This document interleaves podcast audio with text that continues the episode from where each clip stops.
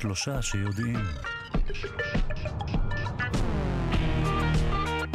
שלום ושוב בוקר טוב לכם המצטרפים לשעה השנייה שלנו, שלושה שיודעים, כאן בכאן תרבות 104.9 או 105.3 FM. Uh, השעה השנייה שלנו בימי רביעי כרגיל מוקדשת לשיחה אחת עמוקה וארוכה, ואני מקווה שאכן תהיה לנו כזאת. איתי באולפן uh, נמצא דוקטור בן מעוז, חבר סגל המחלקה להנדסה ביו-רפואית באוניברסיטת תל אביב, הוא מרכז סגול לחקר המוח של אוניברסיטת תל אביב. אנחנו מיד uh, נשוחח איתו על איברים, על שבבים. זה יהיה נושק למדע בדיוני, אבל לא, מדע מציאותי ממש, כאן, של עכשיו. אז יישארו איתנו. העורך, רז חסון, המפיקה תמר בנימין, על הביצוע הטכני אלון מקלר. אני שרון קנטור. בואו נתחיל.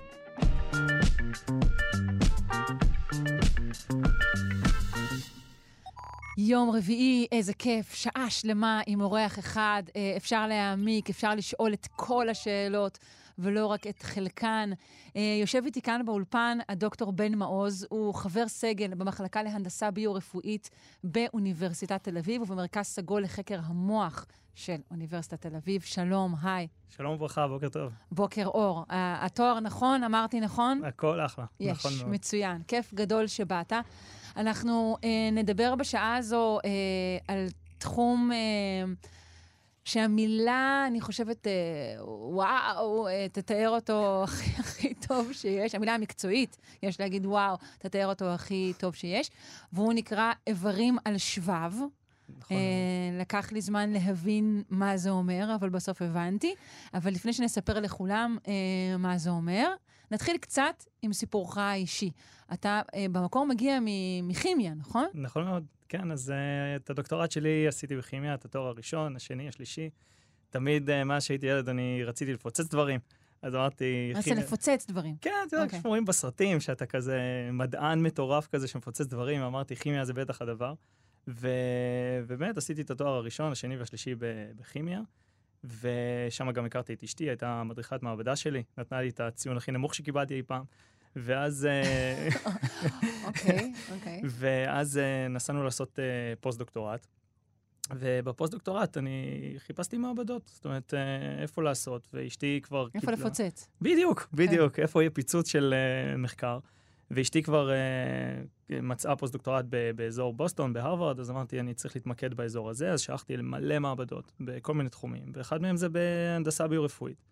והוא הביא אותי, הזמין אותי לסיור במעבדה, וראיתי פתאום פעם ראשונה תאים, uh, זאת אומרת, uh, רקמה, חיה ודבר כזה מיקרוסקופ, וממש העיניים שלי נפתחו. ואמרתי, וואו, זה, זה מה שאני רוצה, ועשיתי שינוי בתחום מכימיה להנדסה ביו-רפואית. רגע. מה- למה? מה, ראית רקמה חיה ואמרת, מה? זה, אז אה, מה שהם התמחו במעבדה זה לראות, אה, לקחת אה, תאי אה, עצב, אה, נוירונים, ולראות איך הם מגיבים לפגיעות ראש. ואתה רואה מתחת למיקרוסקופ פתאום משהו חי, נוירונים, ואתה אומר, וואו, אני יכול לשחק עם זה, אני יכול לעשות עם זה מה שאני רוצה, אני יכול אה, לבדוק איך זה תחת אה, מחלה, תחת פגיעת ראש, תחת אה, תנאים של אה, דיאטה, מה שאתה רוצה, ואתה יכול לשחק עם... אה, living matter, אתה יכול לשחק עם חומר חי, כי בכימיה אתה משחק עם דומם. אתה לוקח לגו ובונה עם הלגו, וזה מגניב, ואני מאוד אהבתי את זה ואני אוהב את זה עד היום. אבל פתאום להוסיף את המימד של לעבוד עם חומר שהוא חי, זה בשבילי היה וואו. לא, לא, לא, לא, לא האמנתי כמה מטורף זה יכול להיות, ואמרתי, לזה אני רוצה ללכת. שלב חדש של כישוף.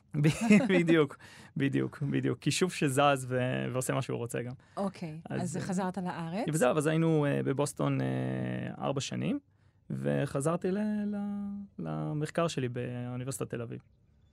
אוקיי, אה, אז אתה אומר שאנחנו מדברים על פגיעות ראש. בוא נדבר על, על ראש ועל, ועל מוח ועל ההבדלים בעצם בין, אה, בין פגיעות מוח לפגיעות אחרות, על טיפול במוח לעומת טיפול באיברים אחרים. בסדר גמור. אז uh, נתחיל ב- ב- לציין איזושהי עובדה שהיא קצת מטרידה, שזה בעצם גם מה שגורם לנו לכל התחום הזה שנקרא חברה שבב. אז, אז העובדה היא שכדי לחקור כיום ולפתח תרופות ולחקור את, ה- את uh, כל מה שקשור לפיזיולוגיה, כיום הצורה שעושים את זה, משתמשים בדרך כלל ב- ב- או ברקמות, שזה פשוט תאים בצלחת, או בבעלי חיים. כי אתה לא רוצה לבוא ולקחת בן אדם, לתת לו מכה בראש ולראות איך זה מגיב. אתה, או מבחינה. ברורה, זאת אומרת, גם אה, נניח פיתוח תרופות. לא, לא לוקחים אנשים וישר מזריקים להם תרופה, בודקים את זה קודם כל על חיות. כי והתהליך הזה הוא גם, הוא, הוא ארוך מאוד. כן. אה, הוא, הוא כן. אולי יותר ארוך ממה שאנשים אה, חושבים. וגם אני חושבת שאחוזי ההצלחה וההתאמה הם נמוכים ממה שאנחנו בעצם יודעים, נכון? נכון מאוד, את צודקת uh, לגמרי. זאת אומרת, כיום התהליך של פיתוח תרופות זה בין 10 ל-20 שנה. Uh, עלות של uh, תרופה היא בערך 2 מיליארד דולר, והצורה שתרופה מפתחים אותה זה מתחילים בבעלי חיים, uh, מדובר על uh, בערך 6 שנים ובערך 500 מיליון דולר, והבעיה העיקרית היא שבין 60 ל-90 אחוז מהתרופות שעוברות בהצלחה, ניסויים בבעלי חיים, נכשלות בבני אדם. שוב את האחוזים? בין 60 ל-90 אחוז מהתרופות שעוברות בהצלחה, ניסויים בבעלי חיים, נכשלות בבני אדם. וואו, אז אנחנו מדברים על זמן, אז- על כסף ועל חיים של בעלי חיים. ובני אדם. ובני ובני אדם. אדם. אה, והבעיה הגדולה היא שתחשבי שעכשיו אתה משקיע עשר שנים כמעט לפתח תרופה, הכל עבד נהדר במעבדה, הכל עבד נהדר על בעלי חיים, יש לך איזה עכבר שיש לו סרטן, פיתחת תרופה שמעלימה לגמרי את הסרטן, אה, הגעת לשלב של הניסויים הקליניים, ואת מביאה את אותה תרופה לבן אדם, ובין 60 ל-90 אחוז סיכוי שהתרופה תיכשל.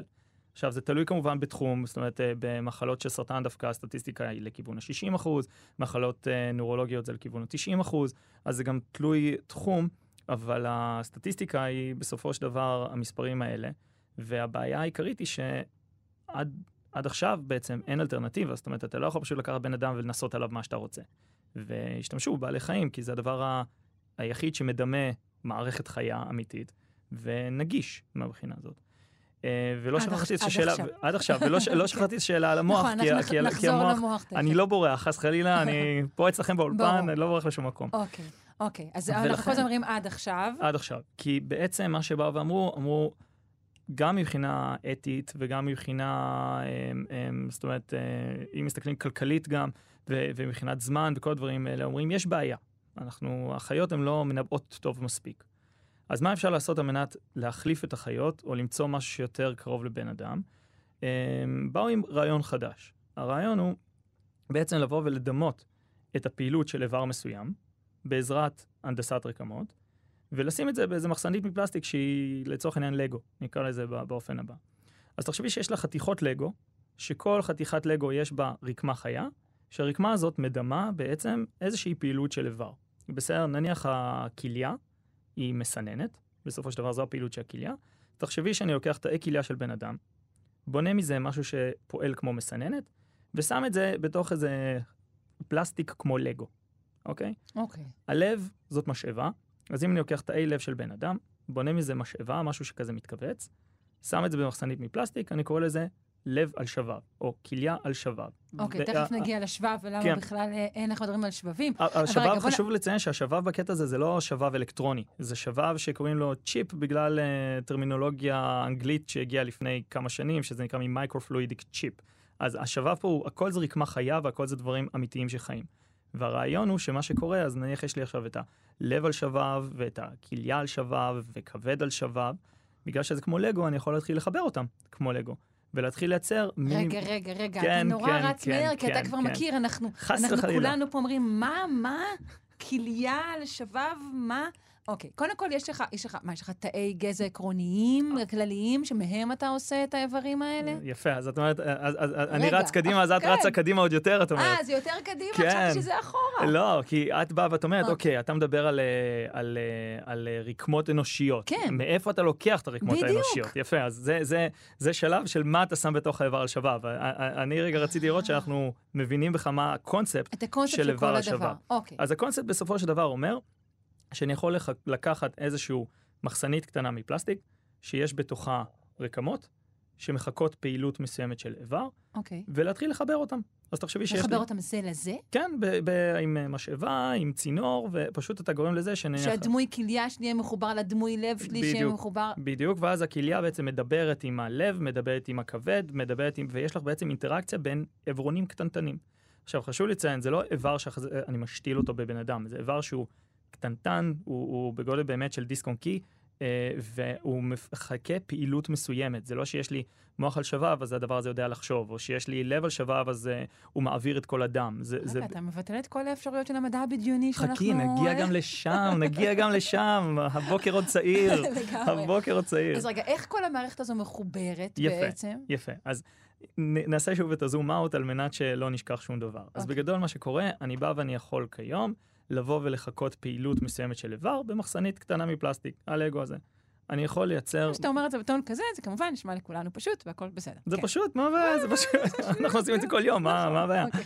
אה, אז בגדול, אה, אנחנו יכולים לקחת עד עשרה איברים או אפילו יותר ולחבר אותם בדבר הזה. איך אנחנו מחברים? על ידי משאבות, צינורות, ו- ובאמת משהו שמעביר דם מלאכותי. ומה שבאמת... קורה את הפעילות שלהם בזמן הזה? אתה, איך אתה... כן, זה... זה... מה, מה, השבב? מה, מה, מה, מה משדר לך את הפעילות? אז יש שם באמת, אנחנו גם בנינו כל מיני סנסורים, כאילו כל מיני חיישנים שיודעים לקרוא פעילות כזו או אחרת. אם זה הלב, אז זה קורא את הפעילות החשמלית, דומה ל-EKG. אם זה המוח, אז יש לנו משהו שקורא את הפעילות החשמלית בדומה ל-EEG. אה, ואם זה המעיים, אז יש לנו משהו שקורא את החדירות של המעיים. אז לכל איבר אנחנו ייצרנו איזשהו חיישן שיודע לקרוא את הפעילות הספציפית שלו. אה, ומה שקורה, אז עכשיו בעצם אתה יכול לבוא ולהגיד, אוקיי, יש למישהו, אה, אתה רוצה לבדוק תרופה מסוימת ואתה רוצה לראות גם את התופעות לוואי. אז אתה, התרופה שלי עכשיו ללב, אז אני מזרים את זה, רואה איך הלב מגיב, אבל אני גם יכול לראות את התופעות לוואי על העברונים האחרים. מכיוון mm. שיש לי שם גם את הכבד, אז הכבד גם יפרק את התרופה. יש לי את הכליה, אז הכליה תנקה את התרופה. ואתה ממש יכול להתחיל לראות מיני מערכות פיזיולוגיות כאלה, לראות איך הן מגיבות לכימיקל כזה או אחר. עכשיו, זה לא חייב להיות תרופה, כן? זה יכול להיות סמים. אנחנו לקחנו קריסטל מת. אה, ומטאמפטמין. טוב? אה, תראי, כולם שואלים אותי מאיפה אנחנו משיגים את זה, אז אני אומר, אנחנו פה בתל אביב, את יודעת, משיגה את זה בסופר המקומי. אבל אה, אז למשל ראינו איך סמים משפיעים על המוח, אז את לא מוגבלת רק לתרופות. כל חומר שהוא. כל חומר שהוא. עקרונית גם מזון לצורך העניין. מזון, מחלות. רכיבים מסוימים של מזון. לגמרי, אוקיי. לגמרי. אבל רגע, אמרת שהעברונים האלו, שבתוך אותם תאים, בעצם זה רק החלק הפונקציונלי הספציפי שלהם, של לב הוא רק משאבה. אבל אולי יש, יש השפעות שהן תופעות, לוואי שהן קשורות דווקא למבנים אחרים, שהן לא הפונקציה הספציפית הזו. את מאוד מאוד צודקת, ואני אחלק את זה לשניים את התשובה. אחד, זה אם זה בעיות שהן... uh, אנטומיות, זאת אומרת שאם הלב, יש לך בעיה בצורה של הלב והמסתם אה, תקוע או דברים כאלה, אנחנו לא יכולים לחכות את זה כרגע, זה לא, זה beyond our capabilities. רק תעשו דופליקציה שלמה שלי כן, כאדם, בדיוק. Uh, בעצם, שרק נטול נשמה, אז תוכלו. כן, אין ספק, אין ספק.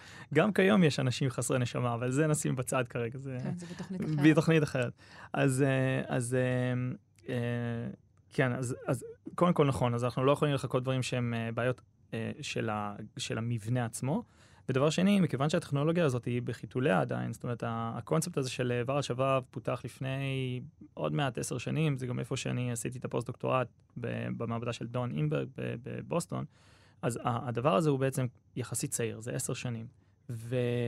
וזה אומר שעוד יש הרבה דברים שצריך לפתח. זאת אומרת, יש כל מיני איברים על שבב שהם עדיין לא מושלמים. זאת אומרת, המערכת uh, חיסון, המערכת האנדוקרינית, זה מערכות שצריך לבנות אותן ולפתח אותן, ולכן אנחנו עדיין מוגבלים. מצד שני, ה-FDA כבר uh, הביע נכונות שניתן להשתמש בכלי הזה ככלי מקביל לפיתוח תרופות, והשאיפה היא כיום זה רץ במקביל לניסויים בבעלי חיים, uh, ועל מנת לבוא ולראות האם אנחנו מפספסים דברים ש...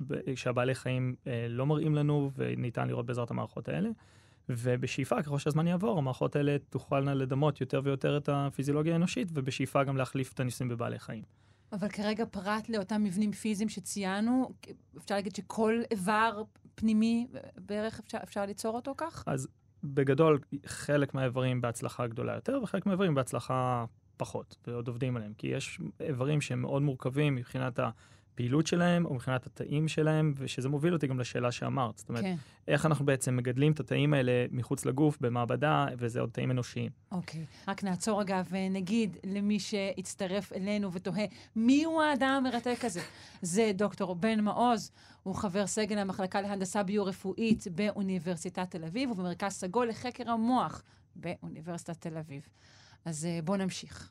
אז, איך? Uh, כן, אז uh, שוב, uh, תודה שהזמנתם אותי שוב. Uh, אז בגדול לשאלתך, מאיפה אנחנו יכולים לעבוד עם רקמות אנושיות? כי הרי זה הדגל של הדבר הזה, כן. שאנחנו בעצם משתמשים ברקמות שהן אנושיות ולא משום מקור אחר. אז ניתן להשתמש בעצם בשלוש מקורות, אה, שלושה מקורות. מקור אחד זה אנשים שתרמו את גופם למדע, אה, נפטרו לצערנו, ולוקחים את הרקמות מהם. אה, זה משהו שהוא פחות אה, נפוץ, כי קודם כל הזמינות של זה פחות גדולה, וגם יש תאים שברגע שבן אדם הלך לעולמו, הם פחות פונקציונליים, וגם את רוצה לעבוד עם תאים שהם סך הכל בריאים, ולא תאים שאת לא יודעת מה עבר עליהם. כן, צריך להזדרז גם בחלק מהמקרים. לגמרי. ומקור שני זה, זה, זה איזושהי... אמ, זה איזושהי אה, טכנולוגיה שפותחה לפני כמעט 20 שנה אה, על ידי אה, פרופסור בשם שיניה ימנקה מיפן, שהוא קיבל על זה גם פרס נובל. שמה שהוא בא עם, ה, עם הרעיון שאת אומרת עד עכשיו שאנחנו במדע בדיוני, אז זה, זה לגמרי נשמע מדע בדיוני, שבעצם אנחנו יודעים כיום שכל תא שיש לנו בגוף, הוא בעצם, כבר יש לו יש לו כבר תפקיד מסוים וחותמת מסוימת. מה הכוונה? התא של המוח שלך הוא תא מוח ולא תא לב. התא של הלב שלך הוא תא לב והוא לא תא שריר, ו... או לא תא עצם. וברגע שהתא שלך קיבל איזשהו תווית, התווית הזאת היא עד שארית חייך, נכון? התא אה, של הלב שלך לא יהפוך להיות תא כליה. מה שהוא הצליח לעשות, זה הוא הצליח לקחת תאים מהעור ולהפוך אותם לתאי גזע. משמע לקחת תא ולהוריד ממנו את התווית הזאת. זה סוג של רוורס כזה. בדיוק, בדיוק, רוורס. זה לא שהוא מצליח לקחת את האור ולהפוך אותו לתא של משהו אחר, זה לא, אבל אפשר להחזיר אותו לשל, לשלב אה, יותר אה, מוטרן, יותר דרומי. לשלב ש, שהיית עובר, ברמה mm, הזאת. תא okay. אוקיי. גזע, אתה הופך אותו לתא גזע שהוא חסר תווית עדיין. אוקיי. Okay.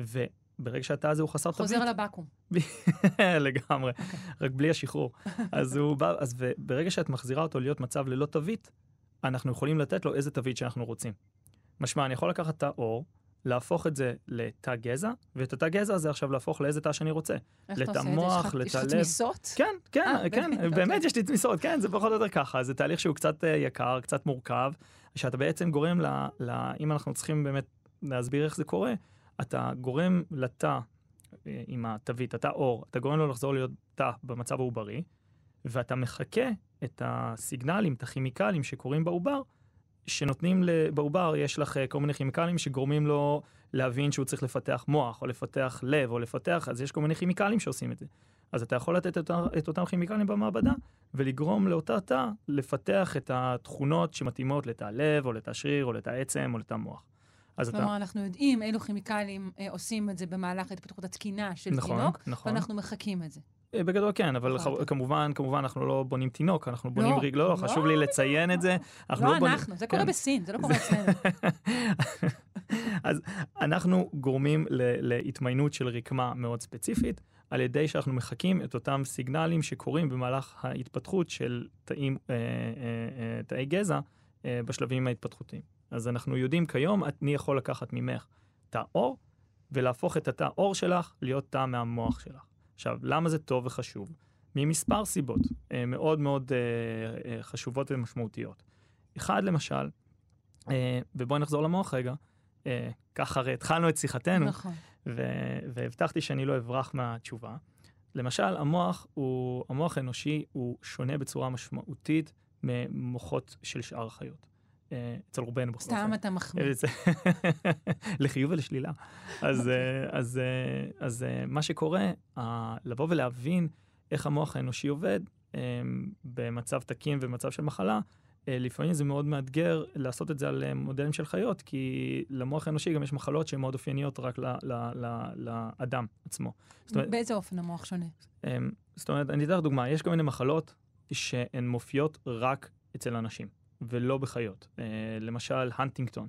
Uh, אין חיות שבטבע יש להן פשוט הנטינגטון. Uh, ויש כל מיני מחלות נורו-דגנרטיביות שלא לא מופיעות ככה בצורה פשוטה, את יודעת, אצל עכברים, שלעכבר יש פרקינסון או אלצהיימר. אז uh, uh, אם אנחנו רוצים לבוא ולבדוק פרקינסון ואלצהיימר... להיות שאנחנו לא יכולים או לא יודעים איך לאבחן אלצהיימר עכברי? זה גם יכול להיות, זה גם יכול להיות. Mm-hmm. ובסופו של דבר אנחנו כן רוצים לראות את, ה, את התרופות שאנחנו מפתחים, איך זה משפיע על המוח האנושי. עכשיו, חלק מהמחלות האלה, הן uh, מגיעות עם, uh, עם uh, איזשהו רקע גנטי. עכשיו, אם אני רוצה לבוא ולבדוק על בן אדם מסוים שיש לו אלצהיימר, ויש לו גם אה, רקע גנטי לאלצהיימר הזה, אז אני לא אקח סתם ביופסיה, אוציא לו נוירונים מהמוח ואתחיל לגדל אותם בצלחת, נכון? נו, או אני מעדיף שלא. מעדיף שלא. כן, אבל לא בטוח הוא יסכים גם. אה, אז האלטרנטיבה, אני יכול לקחת ביופסיה של העור, של אותו חולה. הביופסיה של העור מכילה את התאים שלו עם המטען הגנטי שלו. או, אוקיי. להפוך זה מה את ה- שחשוב פה, שזה יהיה שלו. יפה, שזה מוביל אותנו לגם מה שנקרא personalized medicine, כן. שזה רפואה מותאמת אישית. עכשיו, מה הכוונה? הכוונה היא שתחשבי שעכשיו אני יכול לבוא ולקחת אה, תא מהעור של אותו חולה, להפוך את התאי עור האלה לתאי מוח, עם אותו מטען גנטי של אותו חולה, ואז לבוא ולבדוק איך תרופות משפיעות על אותו חולה עם אותה מחלה עם רקע גנטי ספציפי. עכשיו, זה טוב ונחמד, קודם כל לגבי איברים, שאתה לא יכול פשוט לבוא ולקחת אה, דוגמאות ביום-יום, אה, שזה די רוב האיברים ש- שיש לנו בגוף, מהמם. למעט אולי אור. אה, ודבר שני, זה גם גורם לנו לבוא ולהצליח לתקוף מחלות אנושיות שיש להן מטענים גנטיים ספציפיים. ודבר שלישי, אנחנו גם יכולים לבוא ולתקוף את, ה, את הבעיה הזאת שנקראת רפואה מותאמת אישית. שאם תרצי, נוכל להסביר על זה מספר מילים גם כן. אני אשמח. אחלה. אז בגדול, אה, בערך 75% מהאוכלוסייה, אה, ברגע נתון, מקבלת תרופות שלא מתאימות להם בצורה האופטימלית. אנשים כרגע מוציאים את ה- את הכדור מהפה. חס וחלילה, חס וחלילה, כי ז, ז, זו הדרך שדברים הרי עובדים, גם את יודעת את זה, את, אה, לך יש כאב ראש, את לוקחת אופטלגין, אה, לי יש, אה, לחברה שלך יש אה, אה, כאב ראש, היא לוקחת אה, פרצטמול או whatever, לי כואב הראש, אני שם את הילדים בחדר בצד. אבל אה, כל, כל אחד מתמודד, בדיוק. כל אחד מתמודד עם וואו. הכאב ראש בצורה אחרת. אה, ואת יודעת את זה, זאת אומרת, זה לא שיש כדור אחד נגד כאב ראש שהוא הכי טוב. יש מה שהכי טוב לך. עכשיו, גם את יודעת את זה הרבה פעמים, שהדוגמה שתמיד אנשים אה, מזדהים איתה הכי הרבה זה רופא עור. נכון, אתה הולך לרופא עור, אתה אומר לו, הנה, יש לי פה איזה כתם אדום, אז אני נותן לך תרופה אחת. אם זה לא עובד, תחזור אליי אחרי שבוע. ואז אתה חוזר אחרי שבוע, זה לא עובד, נותן לך תרופה אחרת. עכשיו, זה לא שהרופא עור לא יודע מה לתת לך, אלא כל אחד מגיב בצורה קצת שונה לתרופות מסוימות. בגלל שכשמפתחים תרופות באופן כללי, בודקים את זה על עשרות אלפי אנשים, יש ממוצע, אומרים, המרכז של הממוצע הוא פה, ו- אז תתחילו ו- בלרשום את זה, תתחילו מה שעובד הכי טוב כן. לכלל. מהמם. ולכן, לרוב זה גם עובד, אבל את, לא כן. מעניין אותך הכלל, מעניין אותך עצמך, נכון? שוב, אה, לא, לא נפתח סוגריים, נראה כמה השתננו במחשבה, שאנחנו מצפים היום לקבל משהו שכן, זה מתאים לי, איפה זה מתאים לי, זה דבר שגם כן השתנה המחשבה האנושית. נכון, נכון, וגם בסופו של דבר, כשאתה חולה, גם אתה רוצה שאתה תטופל ושהמחלה שלך תעבור, כן. ופחות אה, מעניין אותך גם רגע על ה... הכלל, רגע, מה קורה עם המחקר הרפואי באופן עקרוני? בדיוק, לא, בדיוק. מה קורה עם החבר שלי שכואב לו הבטן? אהה, כן. אז, אה, אז בגדול, אז בגלל זה, לרוב, זה לא שאני אומר שהרופאים אה, בכוונה נותנים לך תרופה שלא עובדת לך, אני אומר שלרוב ניתן למצוא תרופה שתעבוד בצורה טובה עוד יותר. משמע, אחוז ניכר מהאוכלוסייה מקבל באופן כללי תרופות שהן לא אופטימליות, יכלו להיות טובות יותר. עכשיו, במה זה בא לידי ביטוי? קודם כל, זה בא לידי ביטוי בזה שיכלנו לחסוך זמן כדי לטפל בך, נכון? יכלנו גם לחסוך לך תופעות לוואי, יכלנו להוריד עדויות, יכלנו לעשות הרבה מאוד דברים. אם הייתי יכול להגיד לך מיד, זו התרופה האופטימלית למצבך. עכשיו, הרעיון הוא שאם אני עכשיו יכול לבוא ולקחת רקמות שלך, לייצר אותך בתור צ'יפ, ולבדוק תרופות אה, אופטימליות למצבך, הייתי יכול לבוא ולעשות את כל התהליך של ה screening, את כל התהליך של, ה, של החיפוש ומציאה במעבדה, וברגע שאני מוצא את הדבר שעובד, אני אבוא ואני אגיד, את יודעת מה, הנה מצאתי התרופה הזאת הכי טובה לך, ולתת לך את זה בלי שתצטרכי לעשות אה, ניסוי וטעייה. עכשיו, חשוב לציין שזה לאן שאנחנו שואפים מבחינת העתיד, אנחנו עדיין לא שם היום. כן, אנחנו, זהו. כל מי שהיה אצל הרופא בזמן האחרון יודע, אבל אנחנו גם פחות רחוקים אולי ממה שאפשר לחשוב. זאת אומרת, נכון? מה, אנחנו... בהחלט. אולי תוך עשור אפילו נראה את הרפואה הזאת על הכיוון הזה? בהחלט, כי תראי, יש, אה, יש פה אה, תמריצים מאוד גדולים, ש, שתמיד מדברים על זה שהתמריצים הם, אה, את יודעת, שכמובן יש את הדברים האתיים, ולהוריד אה, סבל של האנשים, ולהוריד אה, ניסויים בבעלי חיים, וכל המילים האלה שהן חשובות ויפות, מהמם. ואני כמובן מאמין בהן, אבל השאלה בסופו אם של... חברות הרפואה מאמינות בהם, לא אם יפה. אתה מאמין בהם. יפה, וגם גם אני, אני בטוח שחברות התרופות לא נהנות מסתם לעשות ניסויים על, על, על דברים שלא עובדים להם. מהמם. הנקודה היא למה אני אומר את זה בצורה דווקא מעודדת, כי למרות שיש את כל הטיעונים ההגיוניים והנכונים של היי, צריך להוריד ניסויים בעלי חיים, והי, צריך למצוא אלטרנטיבות, יש שיקול נוסף, שהוא השיקול הכלכלי. עכשיו, תחשבי שלחברת תרופה שעולה לה כיום אה, שני מיליארד דולר לפתח תרופה, תחשבי שאת יכולה להוריד את זה באחוז. תחשבי שאת יכולה להוריד את זה בעשר אחוז. תחשבי שאת יכולה להוריד את זה בחמישים אחוז. שבמקום שזה יעלה להם מיליארד, זה יעלה, שני מיליארד, זה יעלה להם מיליארד. את חוסכת מיליארד דולר. כן. אז התמריצים הכלכליים פה הם אדירים. הם אדירים. וגם מייחד... ייתכן שברגע שתהיה יעילות הרבה יותר גבוהה, גם יותר אנשים יגידו, היי, אולי אני באמת אקח את זה, כי זה באמת יעזור לי. לגמרי, לגמרי, כן. לגמרי. גם זה וגם זה, וגם את יכולה כן. לבוא ולראות שיש כל מיני תרופות, נניח, שלא חשבת שהם דווקא יעזרו, פתאום הם כן יעזרו, ולעשות אה, אה, אה, הטיה של תרופות, ואז, בדיוק, mm-hmm. דברים כאלה. ולכן התמריץ הכלכלי גם הוא אדיר, וכשיש תמריץ כלכלי, אז בדרך כלל זה קטליזטור אדיר מבחינת... אה, פיתוח מחקר ודברים כאלה. כן, אז, זה מה שיזרז את זה. בואו נזכיר למי שהצטרף אלינו שאנחנו אה, באולפן עם דוקטור בן מעוז. אה, מהמחלקה להנדסה ביו-רפואית באוניברסיטת תל אביב אה, וממרכז סגול לחקר המוח באוניברסיטת תל אביב.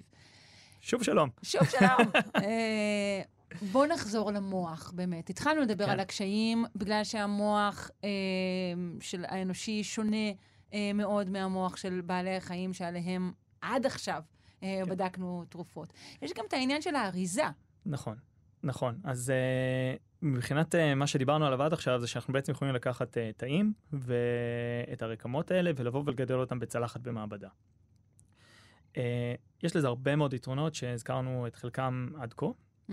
אבל יש לזה גם כל מיני מגבלות. למשל, מה שייחודי ב, ב, ב, ב, ספציפית במוח, זה גם המבנה והקשרים. זאת אומרת, זה לא ש... אם את יכולה לקחת כל מיני uh, איברים מסוימים ולהגיד, טוב, ה- הלב, הפעילות שלו זה, זה משאבה, ואני יכול לחקות את זה פשוט על ידי זה שאני לוקח רקמות ונותן להם להתכווץ כמו משאבה. וזה לא משנה אם זה בתלת מימד או בדו מימד, זה לא משנה, כל עוד אני רואה שזה מתכווץ, לא אכפת לי משום דבר. כל איבר פשוט עושה את העבודה. כן, okay. אוקיי. הבעיה שיש לי כמה חברים קרדיולוגים שאני אגיד שהלב הוא איבר פשוט, 아, אה, אז אחרי זה okay. הם... אוקיי, אז מיד נתנצל. זהו. Okay. אוקיי. אבל uh, האתגר במוח גם זה שהצורה שהקשרים בנויים, משפיעה על הפעילות של אותו איבר. ולכן כשאתה מדבר על המוח, אתה לא יכול רק לבוא ולשים את התה הצו שלך אה, בצלחת, אלא הרעיון הוא לבוא ו- ו- ולהצליח לבנות אה, משהו שהוא גם במבנה תלת-ממדי, עם קשרים מאוד מאוד מאוד מוגדרים. זה כמו ההבדל הוא שיש לך נניח את הרשת אה, חשמל, או רשת טלפון במדינה, אז אם אני לוקח סתם קווי טלפון וזורק אותם ב- ב- בשדה, זה עדיין לא יתקשר לך בין בתים. כדי שהרשת טלפון תעבוד, את צריכה לקשר את זה בין המרכזייה לבית אחד, לבית שני, לבית שלישי. אז אם אני אקח סתם קווי טלפון ואזרוק אותם על הרצפה, אז אני אוכל לבוא ולהגיד לך מה הייחודיות של כל קו טלפון, איך זה מעביר חשמל, כמה חשמל זה יכול להעביר, אבל אני לא אוכל לחכות את הפונקציונליות של בואי נעשה קשר בין הרבה מאוד בתים ולגרות לזה להיות מערכת uh, מתפקדת.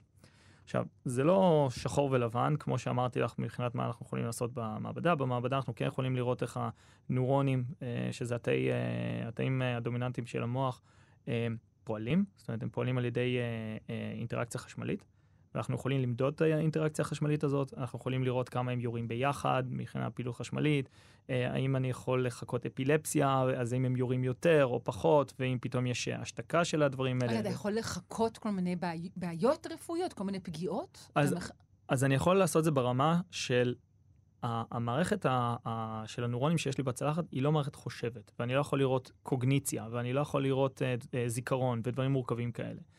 למרות שאני אשים כוכבית קטנטנה, שלפני שלושה חודשים הייתה איזו עבודה מדהימה ש, שאיזו קבוצה בחו"ל עשתה, שהיא הראתה שמערכת חיה של נוירונים יודעת ללמוד ולחשב.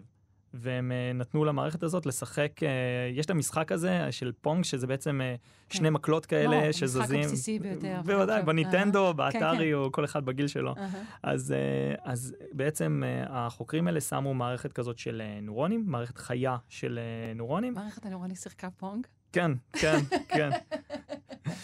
כן, כן, אני יכול לראות את הסרטון אחר כך, אבל זה לא, ש, זה לא רק שהמערכת הנוירונים הזאת שיחקה פונג, היא למדה איך איך, היא למדה את המשחק והיא למדה איך להזיז את המקל כדי שהיא תגיב לכדור שמגיע.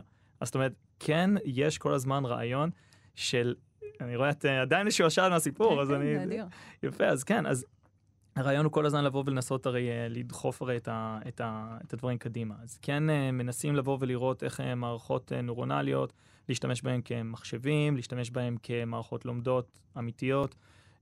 אז, אז כן לשם חוש, שואפים. הנקודה היא שכיום אני לא יכול לבוא ולהגיד, נתתי תרופה א', הבן אדם כתוצאה מזה, הקוגניציה שלו תידפק, או הזיכרון שלו ירד, או היכולת דיבור תעלה. אני לא יכול, אבל מה אני כן יכול לעשות, זה להסתכל על הפעילות הבסיסית של הנוירונים ולראות אם נוירון, אם הנוירון עצמו יגיב יותר, יגיב פחות, יהיה יותר פעיל, פחות פעיל, ולראות איך זה משפיע ברמה הביולוגית הבסיסית. אני כן אמשוך את זה חזרה, ל... או אקח את זה חזרה לאיפה שהתחלנו, לגבי שכשחיפשתי איפה אני רוצה לעשות את ההשתלמות מחקר שלי, אז אני ראיתי שהם לוקחים בעצם נוירונים ובעצם אה, נותנים להם מכה מהבחינה הזאת, בשביל לחכות מה קורה כשחוטפים פגיעות ראש.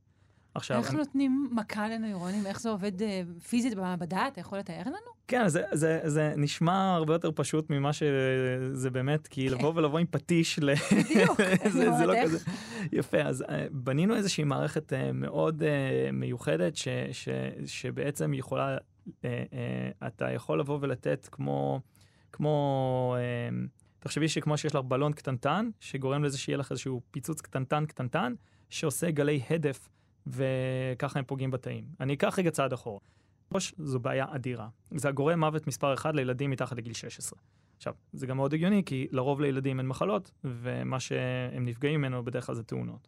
עכשיו, יותר מזה, זה, זה תמיד חושבים על פגיעות ראש, אז חושבים על uh, קרב ומלחמה ודברים כאלה.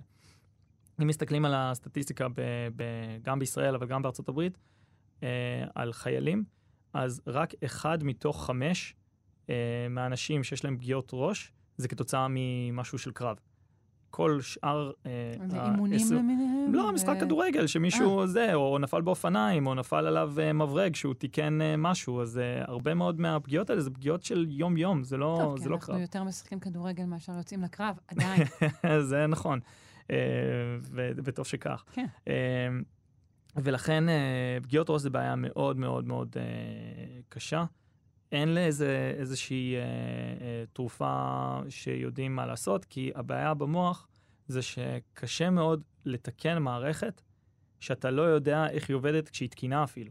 זאת אומרת... זהו, זה בדיוק מה שהתכוונתי להבין. אז הנה, הנה, אני, אני בסך הכל מקריא את הטקסט שאמרת לי. אתה לא, אורז לי את זה. הבאת לי טקסט, אני מקריא אותו. הם לא יודעים פה שנתת לי שאלות עם משפטים, הנה, הכל מוכן מראש. אה, רגע, את רוצה שאני אקריא גם ספונסרים וכאלה? יש לי בעיה, רק תגידי. אז, אה, אוקיי.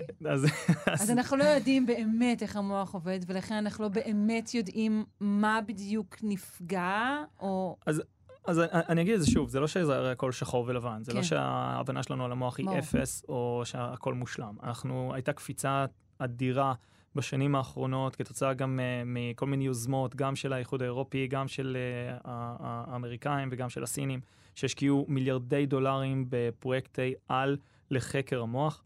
ובשנים האחרונות יש uh, התקדמות אדירה והבנה הרבה יותר טובה בין ברמה הביולוגית ובין ברמה של האיבר עצמו, של המוח, בין, בין זה עם שיטות משלימות, כן, עם uh, מחקרים שמתעסקים ב-MRI ומתעסקים ב-PET-CT ומתעסקים בדברים כאלה, וגם ברמה הביולוגית, ברמה הכי בסיסית, שמסתכלים על תאים ורואים איך התאים עצמם מגיבים למצבים כאלה ואחרים. היכולת הבנה הביולוגית שלנו של המוח כל הזמן משתפרת, ומבינים יותר ויותר ויותר, וקיבלו פרס נובל הרי על אה, מציאת המנגנון של, ה, של הניווט לפני, אני חושב, איזה שלוש או ארבע שנים, mm-hmm. זאת אומרת, כל הזמן מבינים יותר. הבעיה היא שאנחנו עדיין רחוקים מלהגיד שאנחנו יודעים בדיוק מה קורה שם, ושאנחנו יודעים בדיוק את כל הביולוגיה של מה שקורה שם, וההבנה של איך אה, יש לנו קוגניציה ברמה, ה... לתרגם את זה ממה שקורה לי ביום-יום בהחלטות שאני עושה, לרמה הביולוגית של מה שקורה שם. יש לנו הרבה מאוד מה ללמוד. אז התחלת ו... לתאר את הדבר הזה שיש לכם, כן, כדי שאפשר יהיה לפגוע. נכון, אז uh-huh. קשה מאוד לבוא וללמוד כש... מערכת שהיא דפוקה, כשאתה עוד לא יודע איך היא פועלת כשהיא תקינה. זה, זה, זה, זו הנקודה. אז מה שאנחנו עושים, אנחנו בעצם יכולים לבוא ולגדל את הנוירונים, לראות uh, איך הפעילות החשמלית שלהם, איך הביולוגיה שלהם, איך החלבונים שהם מבטאים, איך הצורה שהם נראים, ואז אנחנו באים עם uh, איזושהי מערכת שפיתחנו, שאנחנו יכולים לבוא ולפגוע בהם. uh, בצורה מכנית כדי לעשות שוב פגיעת ראש, ואז את רואה בדיוק מה הנה, קורה. אז הנה, זה אני רוצה להבין, איך אתם פוגעים בהם בצורה מכנית? אז יש לנו כמה שיטות, אה, כי מה שקורה בפגיעת ראש, יש לך למען האמת כל מיני סוגים של פגיעת ראש. למשל, יש לך הדף, שזה סוג אחד של פגיעת ראש. עכשיו יש פיצוץ, אז ההדף של הפיצוץ גורם לפגיעת ראש. יש לך פגיעה מכנית, שעכשיו נפל לך פטיש על הראש והוא גורם לזה. אז יש כל מיני שיטות, ואנחנו מנסים לדמות כמה שיותר את כולם. אה, למשל, אה, אני, אני אקדים את המאוחר ואני אגיד ש, שהיה לנו את העונג ואת באמת את הכבוד הגדול של להיות uh, חלק מ, מהתוכנית של uh, העתיד כבר כאן. כמובן, ש... צריך להגיד שהפרק איתך ישודר בחמישי הקרוב. נכון מאוד. אפילו, בעצם שהוא... מחר, מה זה חמישי הקרוב? נכון, מחר. נכון, מחר בשעה רבע לעשר. נכון. אם תרצו גם לראות אז... את הדוקטור בן מעוז אה, ואת מה שהוא מתאר, אז תוכלו. אז שם למשל אנחנו בדיוק מראים איך אנחנו, את אחת מהמערכות שפיתחנו על מנת לעשות פגיעת ראש. ככה שיש הבדל בין, ה... בין מה ששומעים ומה שרואים, אז שם גם כן. אפשר יהיה ממש לראות אוקיי. את המערכת. תאר ש... לאנשים ש... מתנשאים על טלוויזיה, אה, איך המערכת הזו נראית? אז בגדול, אמ, אני, אני, אני, כדי, כדי לפשט את המערכת, אז אני אגיד את הדבר הבא. רוב הדברים שסיפרתי לך עד כה, זה בעצם אתה לוקח uh, תאים, רקמות, ואתה שם אותם על uh, צלחת מפלסטיק כזאת. ורוב הדברים שעושים הם בעצם בדו-מימד. מה זה דו-מימד? אני לוקח את התאים, שם אותם על משטח והם גדלים. לשמחתי, אנחנו לא בשטוחלנדיה, ואנחנו בעצם חיים בתלת מימד, ועצם זה שיש את המורכבות הזאת של תלת מימד מול דו מימד, היא מאוד מאוד משמעותית, גם מבחינת הפעילות של הרקמות, גם מבחינת התגובה שלהם לכל מיני דברים. והשאיפה שלנו, כמו הרבה מאוד קבוצות בעולם, זה לנסות להתקדם הלאה ו- ו- ו- ולקחת את הדברים הסטנדרטיים ולהפוך אותם ל... ל- ולהתקדם צעד נוסף מהדברים הסטנדרטיים שנמצאים. אחד מהם זה אומר לבוא ולעבוד בתלת מימד. אז אם אנחנו מסתכלים ספציפית על המוח, אז גם יש אה, אה, שיטות שאתה בעצם יכול לקחת את אותם תאי גזע שדיברנו עליהם, ולתת להם פשוט לגדול, והם מתחילים לגדול כמו כדורים, פלט, כדורים, פשוט כדורים, שגם מחקים אה, מעין ארכיטקטורה מסוימת של כל מיני איברים. אז את ממש מקבלת ארכיטקטורה של מעיים, את יכולה לקבל ארכיטקטורה של מוח, את יכולה לקבל גם את הדברים האלה בתלת מימד. כל זה בקטן קטן, כן, מדובר בעברונים קטנטנים. בוא נגדיר קטנטנים אגב, לא אמרנו? מילימטר, מילימטר, שניים, את יכולה להגיע אפילו לגדלים כאלה. עכשיו, אז מה שאנחנו עשינו, אנחנו בעצם אה, בנינו איזשהו, איזשהו, אה, אה, לא מכשיר, איך נקרא לזה, איזשהו דבר, פלטפורמה קטנה כזאת, שאנחנו מגדלים נורונים, תאי מוח בג'ל, בתלת מימד, ומכניסים את הג'ל הזה בתוך קופסה מפלסטיק. שהיא לצורך העניין הגולגולת שלי? יפה מאוד, כן, הנה, את מקדימה את המאוחר. ראית את הפרק? ראית את הפרק? אז כן, אז את uh, שמה את הג'ל הזה, והג'ל הוא בעצם, uh, יש לו תכונות דומות מאוד כמו למוח, מבחינת ה, כמה הוא uh, גמיש, כמה הוא רך. זה משהו, כי המוח שלנו הוא, הוא, הוא רך כמו ג'לי. שאם את חושבת מה, כמה, כמה המוח שלנו הוא, הוא אלסטי ו, ורך, אז הוא מאוד מאוד אלסטי ומאוד רך. אז בעצם אנחנו מגלים את הנוירונים בתלת מימד, בתוך ג'ל כזה שהוא מאוד מאוד רך. ושמים את זה בתוך קופסה מפלסטיק קטנטנה, שהפלסטיק מדמה את התכונות המכניות של הגולגולת. ואז אנחנו באים ונותנים לזה מכה בכל הכוח, עם איזשהו אה, מנוע נחמד כזה, והמכה הזאת פוגעת בגולגולת, וגורמת לג'ל שבפנים להיות מותח בפלסטיק שמדמה את הגולגולת, שזה בדיוק אם את נוסעת באופניים וחס וחלילה נפלת, זה בדיוק מה שקורה לך. זאת אומרת, מה שחוטף את המכה זה הגולגולת, זה לא המוח, אלא ואז אחרי זה המוח מותח על גבי הגולגולת, ומשם יש את כל הקסקייד הזה של, ה... של האירועים שקורים. אז... ואז אתה מסתכל מה קרה לנוירונים בתוך, uh, uh, שבתוך הג'ל שבתוך הקופסה, ויכול להבין בעצם מה קרה, ואז אתה יכול להתחיל לבחון תרופות? לגמרי, זה, זה בדיוק הקונספט של, של, אה, של מה שאנחנו, המשחקים שאנחנו עושים במעבדה. זאת אומרת, אנחנו באים, יש לנו את, ה, את המערכת הזאת, אנחנו מגדלים שם נוירונים, הנוירונים האלה, כמו שאמרת, חופים את המכה. אה, גם לקח לנו, כי כי כל דבר נשמע הרי מאוד מאוד פשוט וקליל. וכן, אנחנו שמים את הנורונים בפלסטיק, מסתכלים מה קורה שם, אז כל הפיתוח של הקופסת פלסטיק הזאת לקחה לנו יותר משנה, כי מה שמיוחד בקופסה הזאת, זה שגודל של נורון, בסופו של דבר זה אה, עשירית מגודל השערה, אה, בערך, מבחינת הגודל שלו, זה קטנטן. ואם אנחנו רוצים להצליח להסתכל במיקרוסקופ מה קורה לאורך נקודות זמן, אז אתה צריך איכשהו כל פעם להיות מסוגל לחזור לאותה נקודה בדוגמה שלך ולראות בדיוק איך זה מגיב. אז היינו צריכים שמה להתגבר על הבעיה הזאת ובעצם לפתח איזושהי, איזושהי קופסה או פלטפורמה שתאפשר לנו כל פעם לחזור בדיוק של כמה מיקרונים אה, לאותה נקודה ולראות את הדינמיקה של הנוירונים, איך הם מגיבים כתוצאה ממכה. אז, אז בדיוק זה הרעיון, אתה לוקח את התאים, שם את זה בתוך הקופסה הזאת שלך, נותן לזה את המכה, ולהזכיר ש... ש, ש פגיעות ראש, יש לזה סקאלה שלמה של מכות, זה לא תמיד הרי המוח שלך מתפוצץ לשניים וכולך ככה אחרי זה שוכב על המדרכה, זה גם יכול להיות מכה קטנטנה, אה, שסתם גורם לך אחרי זה למיגרנות, או לכאבי ראש נוראים, או לכל מיני בעיות בראייה, או דברים כאלה. אז אתה יכול לעשות, להפעיל כוחות שונים אה, כדי לדמות מכות שונות. ואז אתה בא, אתה רואה איך התאים האלה מגיבים לאורך זמן, ולעקוב, ואז באמת לנסות כל מיני תרופות שונות, ולראות האם יש תרופה שעוזרת יותר. ואם אתה רוצה לקחת את זה אפילו לצד הנוסף, אתה יכול לקחת תאים ספציפיים של אנשים ספציפיים, ולראות איזה מהתרופות הן מגיבות בצורה הכי טובה לאותו בן אדם, כתוצאה ממכה כזו או אחרת. כלומר, לצורך העניין, אם מישהו חס וחלילה נפגע בראשו, אז אנחנו יכולים לקחת את תא העור שלו לצורך, כמו שדיברנו, להחזיר אותו לתא הגזע, לייצר עם הנוירונים, שידמו את, יכנסו לתוך הג'ל, ידמו את המוח, יכנסו לתוך קופסה, ניתן לו את אותה חבטה פחות או יותר, זאת שהוא חטף, ונוכל לבחון את התרופה. חד גדיה, חד גדיה. חד גדיה, חד גדיה. חד גדיה. אה, אמרתי את כל כן, כן. השלשלת הזו פחות כן. או יותר. עכשיו, אחרי שדיברנו במשך uh, מספר דקות על כמה העולם ורוד ולאן הוא הולך, גם חשוב לציין גם את המגבלות ואת, כן. ה... ואת האתגרים כיום בזה. אז קודם כל, נשים בצד את העלות, ה... את העלות של הסיפור. כיום לייצר תאים כאלה זה, זה משהו שהוא לא זול, חשוב לציין, אבל אני באותו, באותו משפט גם אגיד, אבל תזכרי גם כמה על הפלאפון הראשון, והמבורגר, למשל ההמבורגר המתורבת הראשון, עלה בסביבות החצי חצי מיליון דולר, כדי ההמבורגר הראשון. כיום... אני מקווה שהוא היה טעים. גם אני מקווה שהוא היה טעים, זה אין ספק, אבל כיום אה, את רואה שישראל הרי חלוצה בעולם עכשיו של בשר מתורבת, והיום מדברים על עלויות שהן אקוויוולנטיות להמבורגרים רגילים. אז uh, זה ירד בשלושה, ארבעה סדרי גודל, uh, mm-hmm. בגלל שיש הבדל משמעותי בין תהליך של פיתוח לתהליך של mass production. אז קודם כל העלות כיום אבל היא יקרה מאוד.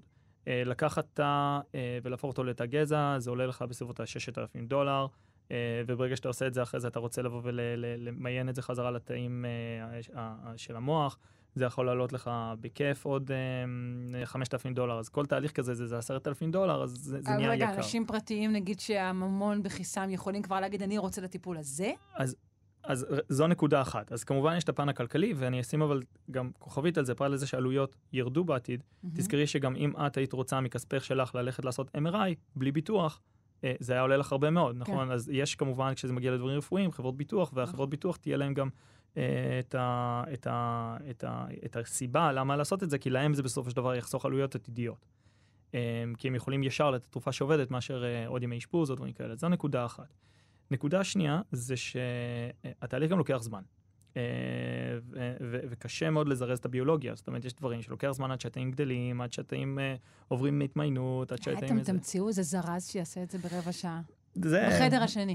בגלל זה תמיד כשאני מדבר על האתגרים, ואנשים אומרים, וואו, יש הרבה אתגרים, אני רואה את זה כ-it's not a bug, it's a feature, נכון? כי לפחות זה אומר שלי יש עוד עבודה ויש לי מה לעשות. אם הכל היה מושלם, אז כנראה לא היה לי מה לעשות. אבל, אה, אבל אה, כן, אז יש את עניין הזמן, ולכן זה כיום לא יתאים בצורה הנוכחית לכל מחלה שנניח עכשיו כואב לך ראש ואת צריכה תרופה מחר, זה פחות יתאים. אבל אם יש מחלות שהן יותר לטווח ארוך, שדרך אגב, פגיעות ראש זה כן חלק מהם, זה, זה הרי היה את כל העניין של השחקני פוטבול, שראו שחלק מה, מה, מהסימפטומים יגיעו רק הרבה שנים אחרי. כן. אמ, ומחלות נורודגנרטיביות, וכל מיני מחלות מעיים, ו- ו- ולא חסרות מחלות שזה יכול להתאים להם, אבל גם יש את עניין הזמן, שזה לא משהו שאני יכול לקחת היום ולהפוך את זה למחר.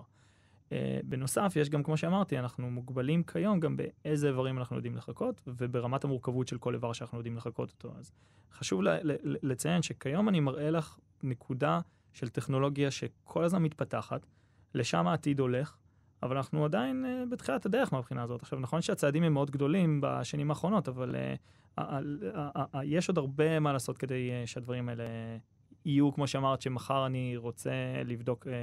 personalized medicine. Mm-hmm. אני כן אבוא ונגיד שכבר יש כל מיני חברות שרוצות לבוא ולעשות screening uh, למשל של uh, שיש גידולים סרטניים, אז הם לוקחים את הגידול, מגדלים אותו במעבדה, ובודקים איזה מהתרופות הכי יעילות על אותו על גידול. על הגידול הזה, אז כן. זה משהו שכן קיים כבר היום, וכן uh, חברות מציעות את האפשרויות האלה ואת היכולות האלה.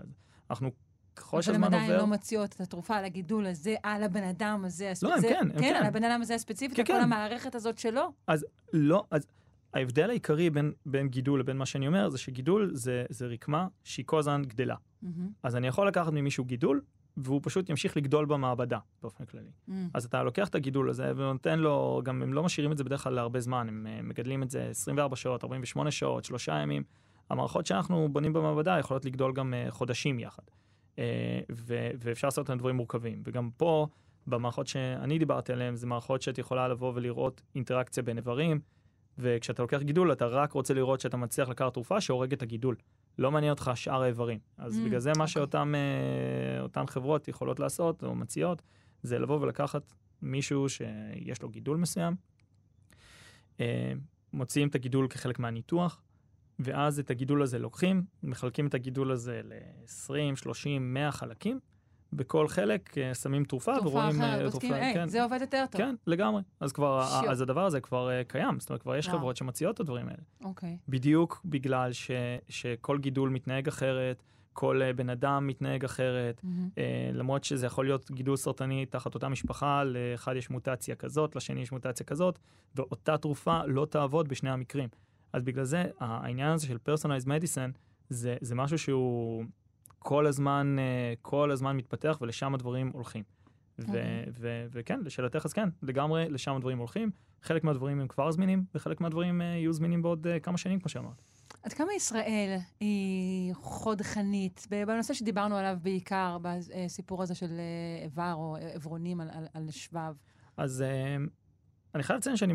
שאני אני הופתעתי בעצמי מהסטטיסטיקות, אני חייב לציין. כי אני פה בשיחה באמת המאוד כיפית ונעימה שיש לנו עד כה, אה, הזכרתי בעצם אה, שתי טכנולוגיות מאוד אה, חדשות. אחד זה התחום הזה שנקרא איבר על שבב, והשני זה מה שנקרא תאי גזע, סליחה על המונח המדעי, פוליפוטנטים. אז מהמם. אה, אז זה נקרא באנגלית IPS, או בעברית תאי גזע פוליפוטנטים. Uh, מספר הקבוצות בארץ שמתעסקות באיבר על שבב הוא מבחינת uh, פרופורציה לא- לאוכלוסייה הוא מהגבוהות בעולם.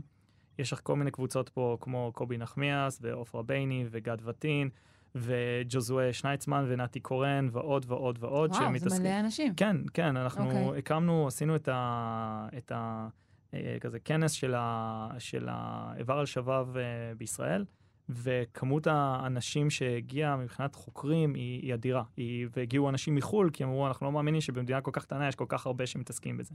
וכמובן, יש עוד קבוצות שאולי שכחתי את שמן. אה, אז מהבחינה הזאת אנחנו בהחלט, אה, אה, מבחינת יחס לאוכלוסייה, אנחנו מאוד מאוד אה, דומיננטים. אה, ומבחינת התחום הזה שנקרא תאי גזע פוליפוטנטים, או באופן כללי העבודה בתאי גזע, אז אני חייב לציין שאני לא, לא, לא ידעתי עד כמה אנחנו מובילים בעולם. אה, אני כמובן אה, חבר באגודה הישראלית לתאי גזע, ו- ולא מזמן קיבלנו אה, כזה ידיעון, שמראה את הסטטיסטיקה לגבי ישראל, ומסתבר שאנחנו מקום שני בעולם מבחינת כמות מחקר לכמות אנשים.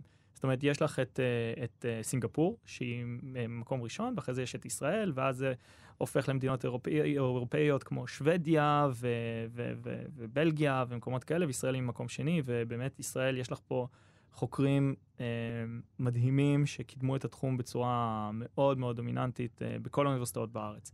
אה, ובאמת אה, ישראל היא מאוד מאוד חזקה בתחום הזה של אה, תאי גזע. טוב, זה מדהים. זו הסיבה להאזין לנו, שלושה שיודעים. כי בשאר התחנות, אתם בתחושה שישראל אולי הולכת אחורה, שישראל היא אולי מקום חשוך ופרימיטיבי, אבל לא, מדובר במדינה שהיא מקום שני בעולם בחקר של תאי גזע, וגם כן מפותחת מאוד בתחום הזה של איבר על שבב, אז וואו. אני מתאר לעצמי שתלוי באיזה נושאים אנחנו מחליטים להסתכל עליהם. כן, אה, ברור, כן, אני מתאר. לעצמי שיש נושאים שאנחנו בהחלט אה, מקום שני מהסוף אולי. יכול להיות, אבל, אה, בנושאים האלה זה גם כן כן. חשוב מאוד. אה, טוב, תשמע, הזמן שלנו ביחד אה, הגיע לסיומו. אנחנו נגיד שמי שרוצה אה, גם לשזוף את אה, פניך ולא רק לשמוע אותך, מוזמן אה, לפתוח מחר אה, את הסדרה העתיד כבר כאן, משודרת בכאן 11. זה יקרה בשעה רבע לעשר אה, בערב, והפרק הזה באמת אה, יעסוק בנושאים עליהם דיברנו. והוא מצוין, זאת בכלל סדרה מצוינת שאנחנו. ממליצים עליה פה. מסכים. ונודה לך שוב שהגעת אלינו לאולפן, דוקטור בן מעוז. חבר סגל, סגל במחלקה להנדסה ביו-רפואית באוניברסיטת תל אביב ובמרכז סגול לחקר המוח, אוניברסיטת תל אביב. אני מקווה שאתה מרגיש אה, בחיים שלך שהצלחת לפוצץ את המעבדה. אין ספק, ואני רוצה לקחת את ההזדמנות הזו באמת אה, להודות לכם ש... שהזמנתם אותי, זה כיף גדול, זו תוכנית מדהימה, ותמיד אני נהנה מאוד אה, גם לשמוע וגם אה. ל... לשוחח איתכם. וכמובן, אני תמיד פתוח לשאלות, גם שלכם וגם אם המאזינים יש להם שאלות, כמובן אפשר לפנות אליי או לאתר שלנו ומשם להגיע אלינו. מה זה האתר שלנו? רגע, תגיד. לא, יש את האתר של המעבדה שלנו, שמתאר את המחקר שאנחנו עושים, ויש שם את המייל שלי גם לשאלות. גוגל דוקטור בן מעוז? מעוז לאב, אוקיי. המעבדה שלנו, ומשם באמת, כי אני מאמין באמת ש... וזו גם הסיבה שבאתי, כי אני לא אוהב לשמור סודות של העבודה. אנחנו בסופו של דבר ממומנים על ידי כסף של מחקר, שבין אם זה המדינה מביאה או ארגונים מביאים. ואני לא אוהב לבוא, ו... לבוא ולשמור סוד מה אנחנו עושים, כי בסופו של דבר אה, חשוב שכולם ידעו מה קורה מאחורי ככה הקירות של האוניברסיטה, ו... ושבאמת אנשים ידעו מה קורה מבחינת המחקר ולאן אה, המחקר הולך. אז באמת, אה, תמיד אני שמח לבוא ולענות על שאלות ולשתף במה שאנחנו עושים. זה חשוב מאוד גם לעורר את האמון של כלל האוכלוסייה נכון, וכל המערכות. נכון. אני שוב מודה לך, דוקטור בן מעוז. תודה רבה. כיף גדול. תודה ביי. רבה. זהו, תמו להן שעתיים שלנו, שלושה שיודעים, את השיחה שערכנו ממש כעת עם הדוקטור בן מעוז, וגם את השעה הראשונה שלנו תוכלו למצוא כמובן בהסכת של שלושה שיודעים, ביישומון של כאן או בכל יישומון אחר. כמובן שנשודר גם בשידור חוזר בשעה שמונה בערב למעוניינים. העורך רז חסון, המפיקה תמר בנימיני לביצוע טכני אלון מקלר, אני שרון קנטור, יוצאת לחופשה של שבועיים. בינתיים אה, יהיו כאן מחליפים מצוינים, אני יכולה להבטיח לכם את זה, או לפחות לקוות. ואנחנו נתראה כאן אה, בשנה החדשה. להתראות.